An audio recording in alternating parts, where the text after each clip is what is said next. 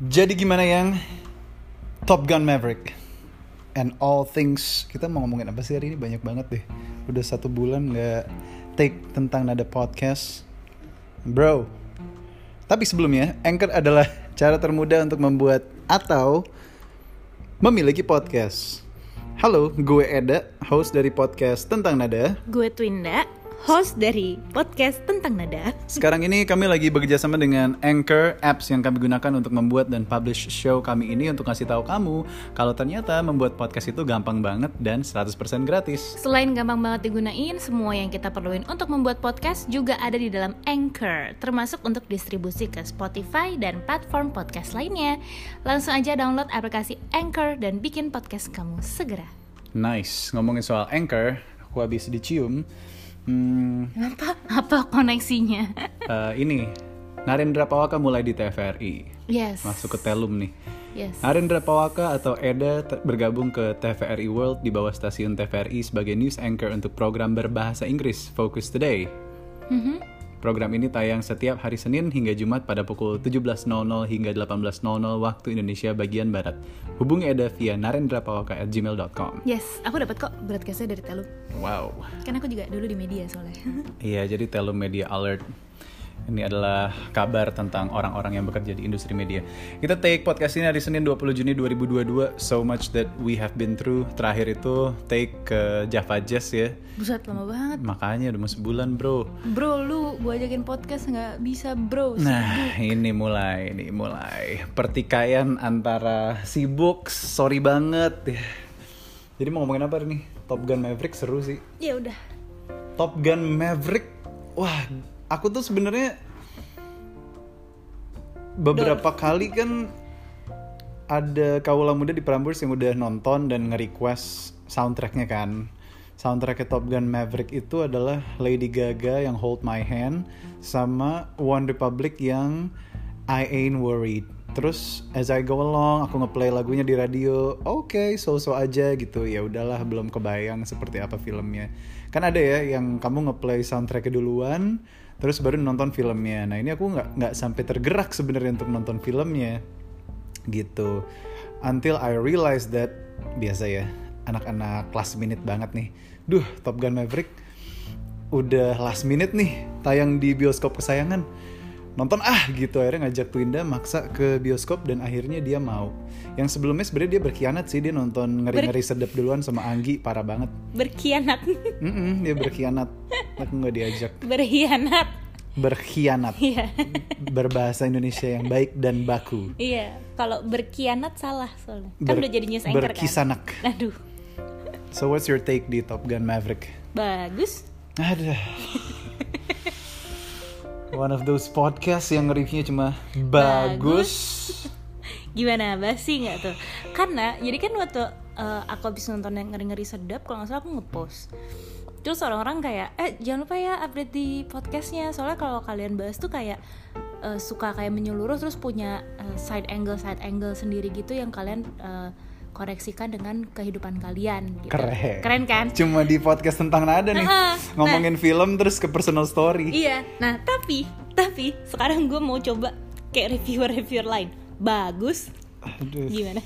Standar nggak? Kalian mendingan kecewa dengerin showbox deh sana walaupun udah nggak ada Lisa sama Angga aku kecewa tapi masih ada Amy Lisa tuh aku udah pernah ketemu ya. pernah waktu itu kita di Idea Fest ketemu Yes. dia Oke, back again. Uh, ternyata aku ketemu Angganya Hah? di waktu itu lagi podcastan di Gramedia Heeh. terus ternyata dia sekarang salah satu kontributor lah di Gramedia oh nice. iya terus ngobrol Lucu banget sih. Iya waktu lagi ngobrol sama penulis buku namanya Chandra Aditya yang kayak tai. Anyways, iya emang orangnya kayak tai. Sorry sorry ya. Ini ternyata podcast ini banyak didengerin sama ponakan-ponakan kita, jadi sorry banget nih. Oke, kembali lagi daripada sudah semakin menyimpang, Eda sudah membahas yang bau WC dan toilet gitu kan. Kita kembali ke Top Gun yang bagus itu kalau kata Twinda. Gimana jadi sebenarnya eh, menurut lo emang gak bagus Top Gun? Ya, menurut menurutku it it was a hell of a good movie. I I, I mean it's uh, very American in a way that is that it is heroic, it is dramatic, And it is it is heartfelt menurut Nah, aku. aku masih ingat satu kata yang selalu kamu ucap. Cheesy, iya kan? Iya iya. Karena banyak beauty shots yang kayak ini tuh iklan Levi's atau campur iklan Marlboro. Atau Marlboro atau gimana sih walaupun nggak ada rokok ya. Dan ini Iya, untuk iya. semua umur. Jadi adegan seksnya Tom Cruise sama Jennifer Connelly pun nggak.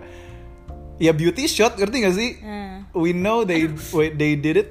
Tapi ya beauty shot Hmm. gitu nggak nggak perlu yang terbuka terbuka and I like that about it gitu. Oke, that's your first impression. Itu yang keluar kata-kata waktu Eda selesai nonton. Kalau gue, gue jadi ingat eh, yang gue katakan adalah ini film tuh kayak film males-malesan aja gitu. Sebuah film yang sudah terkenal di tahun berapa 68 ya? Apa 86? 86 68 Oh, sorry, buset sorry, sorry, sorry, sorry, sorry. Se- ini film udah terkenal di tahun 86, terus ya udah mungkin gitu ya nih yang kayak um, orang-orang yang ada di dalam film itu, eh ngobrol gitu kan, eh gimana kalau kita bikin film? Udah remake aja, udah nggak usah pakai pusing mikirin plotnya slow begini begini begini, kita ulang aja dialog dialog yang dulu. Kita ulang aja scene scene yang dulu. Ngerti nggak sih? Tapi di remake in a modern way. Ini gue bilang kayak gini tuh bukan bukan ini jelek ya. Tapi menurut gue ini film sudah tidak perlu bersusah payah lagi dalam mempromosikan marketing dan lain sebagainya karena ini film udah ada nama gitu loh Yeah, and I like that about about the movie itself. Itu kayak kalau di dunia musisi, Maroon 5 udah punya songs about Jane, album nomor satu yang mereka debut. Uh, ngehits langsung dengan This Love, She Will Be Loved gitu kan. Mereka udah punya formulanya. Coldplay album satu, oke formulanya gini. Ya udah kita ulangi formula itu, kita adaptasi, kita bikin relate sama generasi sekarang. Itu yang dilakukan sama Top Gun Maverick.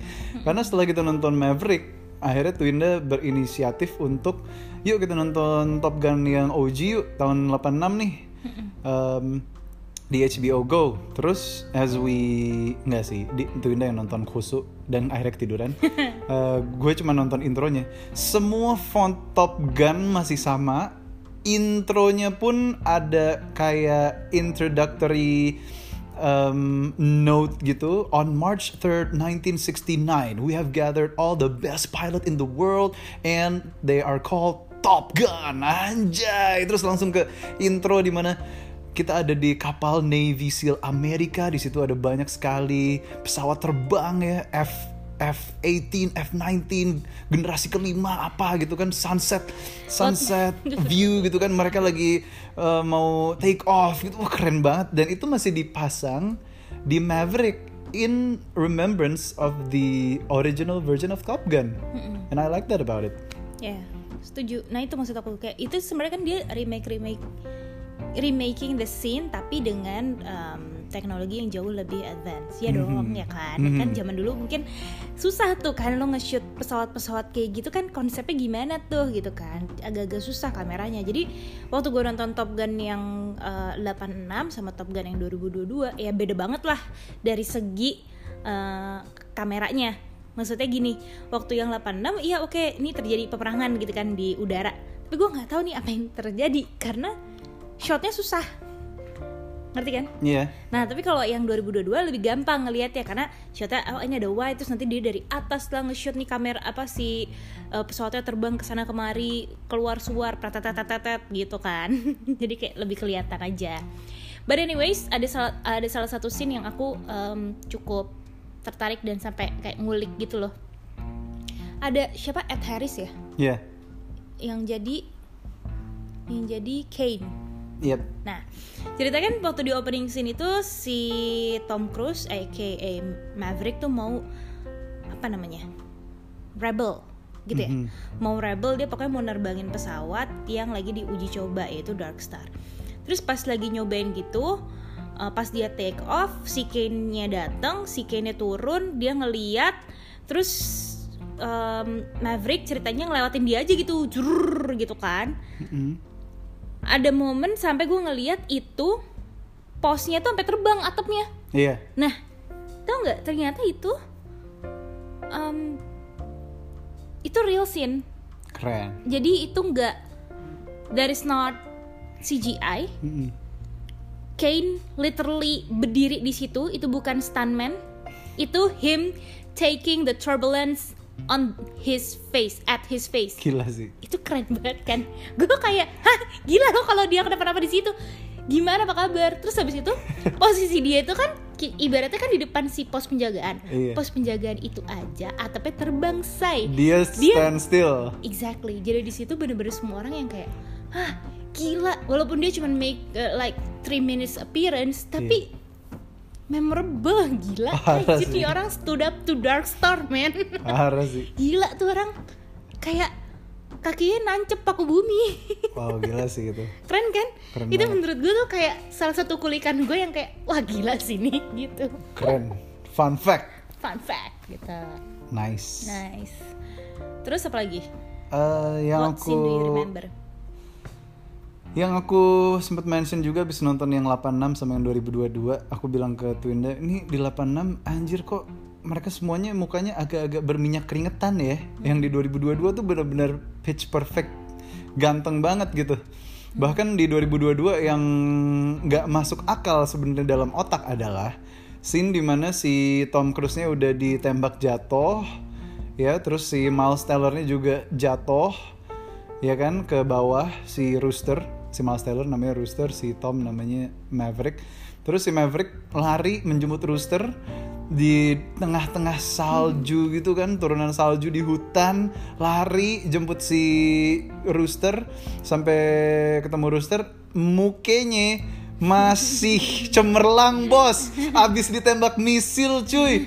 Gila abis ditembak misil terus eh, dia lari-lari-lari dikejar helikopter mau ditembak helikopter mukanya masih cemerlang. Itu ya satu. Terus yang nggak nggak mungkin lagi yang yang agak-agak Top Gun dan Mission Impossible in one multiverse adalah setelah itu mereka Berusaha. infiltrate enemy base untuk ngambil nyolong satu pesawat yang mungkin konotasinya pesawat ya pesawat enemy itu kan untuk balik ke rumah untuk balik ke Amerika gitu ke home base nya dan mereka berhasil bro. Itu kayak what the actual fuck gitu. Yang aku harap di Maverick Top Gun Maverick aku sempat bilang kan ah ini pasti harus ada yang mati nih. Cuman it turns out kagak ada yang mati. Sekali Tinda ya udahlah ini just just for fun. Filmnya juga pasti akan sukses uh, ngereminis all times di mana orang-orang di Cuma buat nostalgia iya aja. cuma buat nostalgia. Di Top Gun pertama si Goose-nya kan partnernya si Maverick udah mati. Ya udah yang di di Top Gun Maverick gak usah ada yang mati lah gitu. Iya. Kita buat momen-momen hampir mati aja gitu. Iya. Kayak yang si siapa? Bu- bukan fanboy itu si Omaha atau siapa itu yang yang mau mati pas lagi latihan kan? Phoenix. Phoenix ya. Bukan Phoenix yang cewek. Ada yang yang pass out yang Black American. Fanboy. Eh bukan Dia bukan ulang satu lagi. gue ulang. Yang itulah pokoknya. Ya pokoknya it's it's too good to be true lah ini ini film. Tapi ya harus begitu. Namanya juga film Amerika ya kan? Shotsnya kayak latihan di belakang ada bendera Amerika gede gitu kan? Iya. Terus tapi ada momen kayak Tom Cruise berdiri belakangnya merah, Merah putih. Gue kayak wah Indonesia dia. seru sih. Sama aku agak amazed sama ini sih sebenarnya. Kalau kalau kalau mem- membandingkan ya 86 saat itu musiknya belum dipegang Hans Zimmer. 2022 yang scoring Hans Zimmer Lady Gaga juga ikutan sama satu lagi nama aku aku kurang ngeh. Pokoknya ada tiga nama deh. Musiknya Hans Zimmer tuh anjing sih. Itu bener Hans Zimmer tuh yang yang bikin Dune juga yang.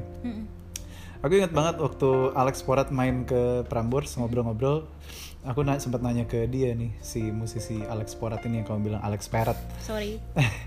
Buru-buru. Terus Iya terus si aku tanyakan Alex movie yang lo tonton on repeat tuh apa sih? Dia bilang Dune. Kenapa? Gue bilang karena musiknya lo bisa tahu scene-nya lagi ngapain hanya mendengarkan musiknya saja gitu. Itu musiknya yang bikin Hans Zimmer by the way. Nah, pas nonton Top Gun Maverick karena sudah ada message itu da- dapat dari Alex, aku kayak iya juga ya musiknya Hans Zimmer tuh menggambarkan literally scene-nya tuh lagi ngapain gitu. Mau romance musiknya ngalun, mau lagi tegang musiknya ngalun tegang. Ya memang seharusnya seperti itu. Cuman gila sih musiknya dan memang harus ditutup film itu dengan soundtracknya Lady Gaga sih. nggak ada lagi yang bisa yang Hold My Hand ya sama scene-nya One Republic Iron War itu, ih hujan. Alhamdulillah. Scene One Republic Iron War itu yang pas mereka lagi skip practice ya this 12 best pilot di Amerika akhirnya mereka kayak hmm, ice breaking supaya grupnya semakin menyatu mereka main football di beach digawangi dengan soundtrack I Ain't Worried One Republic by Ryan Tedder sama teman-teman bandnya itu gila sih bener-bener I ain't worried about it right now cuy. They just have fun. Ab- besok-besok kita serius lagi. Itu keren banget sih.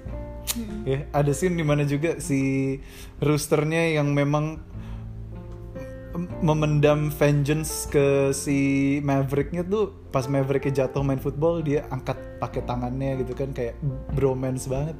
Anjir emang saat main ya lo for lo lupa sama segala kebencian yang lo punya sama manusia gitu Dan itu reliving all the scenes yang di film-film tahun 86. oh emang ada ya Jadi tuh jadi semua scene ya menurut aku tuh cuma di remake tapi ganti pemain. Hmm. Ngerti gak sih? Hmm. Kayak momen yang mereka di eh, kapal, Hmm. Navy Seal, opening scene gitu kan. Hmm. Terus habis itu yang em, yang momen waktu dia Darkstar dia lagi naik motor ke iya. eh, apa sih Naik namanya? motor Kawasaki hanggarnya naik motor hanggarnya. Kawasaki gitu kan. Dan jaketnya emang kayak sengaja sama, Sama, semuanya sama gitu. Terus habis itu pas di bar di bar tuh juga ada momen nyanyi apa segala macem Mm-mm, gitu-gitu. mm-mm. terus habis itu besok paginya kan ketika mereka masuk ke kelas gitu kan si siapa namanya? Tom Cruise si Maverick masuk kayak iya nih gue instruktur lo terus habis itu kayak ada satu yang kemarin habis ngehajar Maverick langsung kayak aduh mati gue gitu kan Iya. Nah itu sebenarnya juga ada scene kayak gitu di mana si Tom Cruise yang aduh mati gue karena dia habis ngegodain si instrukturnya ternyata. Iya. Instrukturnya cewek. Terus habis itu ada scene maksudnya kayak oh iya iya ya jadi yang 86 tuh instrukturnya cewek. Oh. Hmm. Digodain sama Tom Cruise. Nah, tapi sekarang tuh Tom Cruise yang jadi yang kayak gitu. bener-bener sama ya Ha-ha, mereka tuh cuma remaking aja terus bahkan ada beberapa dialog-dialog tuh yang uh, diulangin aja gitu loh kayak misalnya kayak this is what you've been trained for kayak gitu itu tuh udah udah remake habis itu um, momen yang pa- apa main di pantai itu juga ada momen tuh si uh, Tom Cruise ditolongin sama si Maverick ditolongin sama Rooster. Hmm. gitu. Jadi mereka remaking. Terus habis itu yang uh, ngebantuin sorry. Habis itu harus ada si antagonisnya. Karena di tahun 86 juga ada tuh antagonisnya. Tapi antagonisnya tuh nggak ngebully. Hmm. dia cuman yang kayak ngawasin ngawasin aja gitu. Ada di surroundings. Tapi giving that tension aja ke ke Maverick kayak gitu. Hmm. jadi menurut aku kayak eh ya ini mah bener-bener reliving the scene kalau misalnya emang lo nonton yang tahun 86 terus lo nonton yang sekarang lo akan merasa kayak nostalgia banget gitu kayak aja ini zaman dulu kayak gini nih kayak Iya, seru banget tapi gitu for the record, tapi aku sama kamu kan nggak nonton. ya itu itu yang mau aku bahas Top juga Gun 86-nya ya. Iya. Jadi pas nonton Maverick pun kita ngelihat ada scene sama si Iceman diperankan Val Kilmer yang dia udah sakit-sakit gitu kan dia jatuhnya apa ya eh, lebih tinggi daripada Tom Cruise kan pangkatnya. Seben- nah ntar aku jelasin Mm-mm. Terus kita ngelihat si Iceman lagi sakit, terus kamu bilang kan kamu sempat nebak juga dia pasti kanker tenggorokan nih. Kita tahu kalau dia nih orang penting gitu dan pas ngelihat dia duduk begitu kita juga bisa hormat gitu. Wah, gila nih orang nih emang pantas dia respected among the peers gitu di Top Gun. What's your take? Jadi si Iceman itu dia adalah si antagonisnya uh, Maverick waktu 86 sebenarnya. Jadi mereka tuh sebenarnya satu liting. Iya, kayak Rooster sama Hangman kan di 2022. Iya betul. Nah mereka sebenarnya satu liting. Nah si um, siapa namanya Iceman itu dia tuh dulu ibaratnya top of the class. Hmm. Dia si nomor satunya. Nah si Maverick ya nomor duanya. Iya. Gitu. Nah terus habis itu pas udah kelulusan apa segala macem lulus jarang by gitu. Nah terus kan di film dijelasin si Maverick nih sebenarnya dia kayak tanda kutip sabotase dirinya untuk nggak naik. Sebenarnya kalau dilihat dia tuh pangkatnya di kolonel. Mm-mm. jadi di situ kan selalu bilangnya kapten kapten kapten. Sebenarnya kapten di eh, Navy Amerika itu udah pangkatnya kolonel. Di sini. di sini. Kolonel itu artinya dia tinggal satu lagi untuk jadi laksamana admiral. Ah, ah. nah di mana si siapa namanya? Iceman itu udah admiral. Cuman aku nggak tahu nih dia bintang satu bintang dua apa bintang tiga. I assume mungkin dengan umurnya dia mungkin udah di atas bintang satu lah ya gitu. Tapi kayak yang manggil si siapa namanya? Manggil si si Tom Cruise ke Top Gun itu kayaknya udah bintang tiga atau bintang dua gitu aku ngeliat Iya, si pangkatnya Iceman. dia bukan bukan Iceman yang satu lagi. Oh, yang jadi instruktur. Iya iya iya. Gitu. Di bawahnya Iceman. di bawahnya Iceman dia Si jadi John Hamm. ah iya si John Hamm. Jadi itu tuh kayak dia respect gue tuh respect si Iceman aja makanya gue ini sama lo gitu. Nah jadi kalau kamu ngomongin pangkat apa segala macam sebenarnya Tom Cruise tuh udah bisa se se Iceman, Iceman, cuma dia nggak mau, dia kan? sabotase gitu. Tapi lu lihat ya betapa gap padahal gap umur aktor nyatanya itu cuma tiga tahun loh. Tapi they look so very different gitu loh Iya. itu gila gue kayak ngeliatnya kayak wow Ya berarti emang Tom Cruise sebagai apa ya? uh, main actor dia selalu ngejaga iya ngejaga visualnya. Betul. And fun fact, nggak fun, nggak fun sih ini factnya, just fact.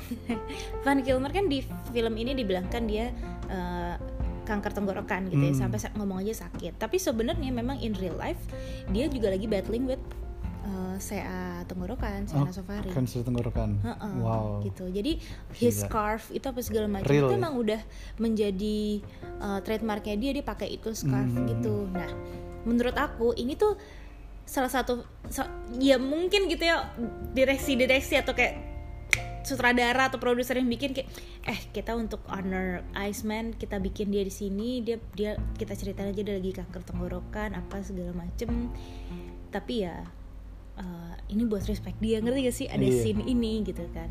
Terus kayak dialog dia kayak it's time to let go gitu gitu tuh tuh ada di tahun 86 gitu. Jadi maksud aku kayak ini tuh film yang walaupun gue sama Eda tidak tonton yang tahun 86 nya tapi kalau gue sama Eda tonton tahun 86 nya mungkin kita akan merasa film ini sangat hangat. Iya. ya kan? Kayak aduh ada dia. Oh ada Iya, dia. Iya.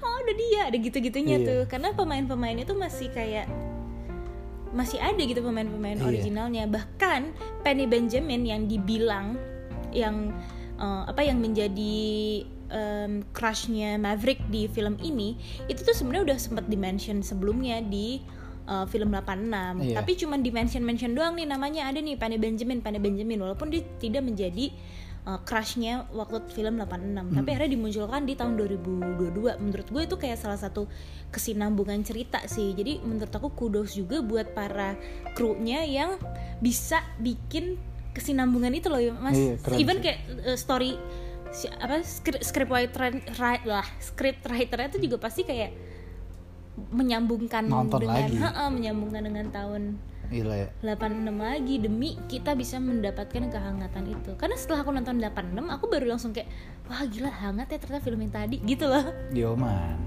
keren ya Jadi kalau kamu Penny, kamu bakal mau nggak sama si Maverick? ya kan bentar lagi dia pensiun mau aja gue Keren. kan udah soalnya logikanya nih dia udah kolonel gitu kan tapi umurnya udah agak-agak senior gitu Hmm. Hah, paling tiga tahun lagi pensiun ya kan Bakal ada Top Gun berikutnya nggak? Eh, not in eh aku nggak ngulik sih tapi menurut aku kalau dibikin Top Gun berikutnya agak ini ya Agak cringe ya. Iya agak Udah kayak lah ya. iya ini tuh cuman kayak Closure lah ya. closure heeh. Karena nggak mungkin Top Gun tanpa Tom Cruise nggak sih? Eh, iya betul itu setuju tapi anyways kita belum bahas eh, satu lagi yang penting juga dalam film ini yaitu Rooster Kenapa? Miles siapa namanya? Miles Teller. Miles Teller. Kita tuh baru bilang banget kan kayak ini orang apa kabar ya yang main Whiplash? Kayak ke mana nih orang? Gitu kan. Mm-mm. tiba-tiba dang Top Gun. Lah dia lagi main ini ternyata. Gitu kita nggak tahu kita nggak ngikutin gitu. Dan menurut aku he did a very great job in um, uh, in playing his character as the son of Goose. Goose gitu. Dia mirip. Sama-sama nama unggas. iya dia mirip. Rooster and Goose. Um, terus dia juga kayak gue yakin dia juga research lah ya gitu ya itu it's his job gitu ya tapi maksudnya kayak keren gitu ya dia maininnya ya Keren. aku ngeliatnya kayak wah nih orang tuh Ngulik. berarti udah pernah main Whiplash udah pernah main apa lagi Itu. Fa- Fault in Our. Divergent. Divergent dia udah pernah main Bukan Fault in Our Stars. Fault in Our Stars. Kan? Bukan. Satu lagi sama Shailene Woodley juga tapi. iya itu bukan Fault in Our Bukan. Ada lagi. hah Ada lagi. hah Fault in Our Stars mah. Iya Fault in Our Stars bukan dia main main karakternya. iya tapi dia juga main di situ dia kan juga main. gitu Kayaknya ya. iya dia main ada lagi pokoknya yang dia main sama Shailene Woodley Spectacular Now. nah itu bagus tuh Iya. Jadi maksud aku kayak nih orang sebenarnya udah mainnya lumayan dia udah Oscar nominated actor iya. Miles Teller Dan maksud gue udah lumayan lumayan apa sih namanya? banyak White Mm-mm. white character gitu loh. Udah mulai macam-macam dan oh satu lagi yang aku dapetin dari uh, nonton Top Gun 2022 ini aku ngelihat ini kan ceritanya tentang regenerasi lah si eh kaget gue. Jadi si Tom Cruise lagi mau regenerasi Mm-mm. untuk uh, the next um, flyer gitu walaupun dia tetap ikut nih nge- ngegawangin mereka ya kan ujung-ujungnya dia jadi team leader nah menurut aku tuh itu juga what is exactly what he's doing in the movie. Dia juga kayak ngegawangin eh ini uh, regenerasi aktor-aktor nih. Ini bakal jadi the next um, familiar faces on your screen loh in the next 10 years. Ya kan? Hmm. kayak ini ada Miles Teller nih pemuda berbakat nih keren.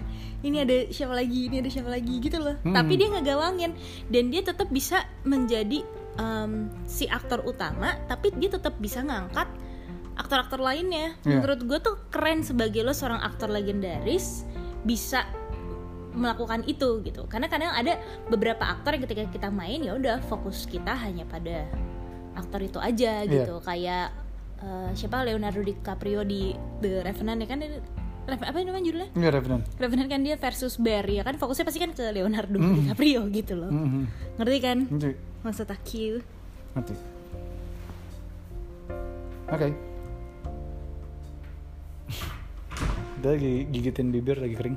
Wow. nggak jelas langsung pada dead air Hmm. oke back again Um, I think that's it for Top Gun ya nggak sih Hmm.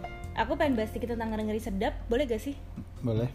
aku kemarin nonton ngeri-ngeri sedap ninggalin Eda intinya itu cerita tentang keluarga Batak gitu ya Mhm.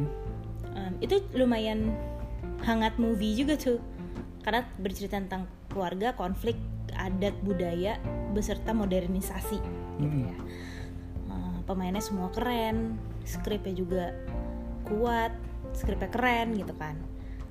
Um, ada momen yang kayak aku mewek-mewek kecil gitu. Kira hubungan bapak dan anak. Cuman ada satu momen di mana di skripnya itu ceritanya ada anak ke kedua apa ketiga? Kedua apa ketiga? Cerita jadi pelawak. Nah di Batak tuh ya nggak bisa lo jadi pelawak. Lo mendingan jadi hukum aja Hmm. gitu kan. Terus bapak ini nggak setuju. Terus ada momen di film itu si pelawak itu si Gabe bilang um, la- lagi on air gitu. Lagi on air lagi acaranya kayak semacam um, semacam apa namanya? Extravaganza gitu acara dia sketsa sketsa gitu kan. Terus dia bilang kayak eh Gabe lu kangen gak sama bapak lo? Gitu kan kangen. Oke kalau gitu kita sambut bapak Gabe taunya yang keluar orang lain gitu Hmm. kan. Nah terus um, by the end of the movie ketika konflik makin panas itu terjadi. Kayak eh si Gabe yang disuruh eh misalnya Eda gitu eh Eda lu kangen gak sama bapak lo? Oke kita sambut bapak Eda. Eh yang keluar bapak Gabe gitu. Terus dia langsung kayak ditanya bapak bangga nggak? Gabe jadi pelawak gitu. Terus ya saya sih nggak bangga ya soalnya kan ya ini tapi apa yang Gabe lakukan itu udah kayak membuat orang bahagia ya udah gitu. Terus di situ momen nangis gitu. Ceritanya Gabe sama bapaknya. Dan entah kenapa it hits home very hard sih buat aku. Kayak langsung wah wah gitu. Gara-gara aku tuh pernah diundang di ini talk show ceritanya Twinda Twindi. Eh, sorry ini sahur. Terus di situ ada um, Indah Permatasari yang juga sedang bermain di situ. Dan um, um, apa namanya? Eh, satu lagi ada eh, pelawak juga. Siapa ya yang namanya? Aku lupa lagi yang main di situ bayangan. juga yang main di situ juga di ngeri ngeri sedap juga aduh namanya ada di otak aku tapi kok kayak nggak keluar gitu Aduh, referensi pelawakku dikit. hah Jadi nggak bisa bantu. bukan bukan Boris Bokir uh siapa sih yang ayo yang bisa yang Boris Becker, aduh tenis. aduh aduh aduh aduh aduh aduh aduh Boris Boker karena makan sambal. aduh bukan Boris Belok. Karena dia mungkin bosen. Hah? Coba pelawak. Jadi dia belok. Timur. Ini. Ari Keriting. Temennya? Ari Catok. Nggak lucu lagi. Abdur astagfirullahaladzim. Ari Catok kan Enggak, enggak, enggak. Terus di situ aku diundang sama uh, Indah Permatasari sama Abdur. Dua-duanya main tuh di film itu. Hmm. Terus ada momen di mana Kang Sule nanya uh, ke Abdur, Abdur uh, jauh ya kampung? Iya. Kapan terakhir pulang kampung? Iya. Oke. Abdur kangen gak sama keluarga? Kangen lah. Oke kalau gitu kita sambut keluarga Abdur. Dang. Yang keluar keluarga gue. Lol. Terus habis itu ditanya lah si kayaknya Kak Desta atau Kak Vincent deh yang nanya. Eh itu ya kayak Papa pengennya Tuna Tuna jadi dokter apa jadi eh, di dunia entertainment gitu. Anjay, kayak gue kayak deja vu nonton itu ngeri ngeri ngeri sedap. Terus gue langsung kayak, hmm bisa nggak sih kayak jangan relate relate banget sama kehidupan gue. Keren. itu kayak gue ngerasa kayak wah ini definisi kenapa film tuh selalu ada tulisan kayak intinya tokoh dalam uh, film ini adalah fik- Fiktif belaka. fiktif belaka kalau misalnya ada kesamaan itu hanya kebetulan Hmm, gitu kan Baper. karena ternyata. Beneran ada gue kayak ini konsepnya TV loh gue di ini Hmm. sahur itu di lawakannya dia acara dia gitu kayak gue kayak wah hebat hebat sekali Gimmick per TV-an. Terus Hah? Terus? Udah itu itu di, itu part aku nangis aku cerita. Dan anyways kalau misalnya emang masih jawaban papa apa? ada ngeri-ngeri sedap langsung aja nonton di Cinema XX1. Jawaban papa? Nggak mau aku jawab. Cari aja sendiri. Jawab dong. Nggak mau jawab. Udah, that's it. Jawab Bye. dong. Jawab dong. Jawab dong.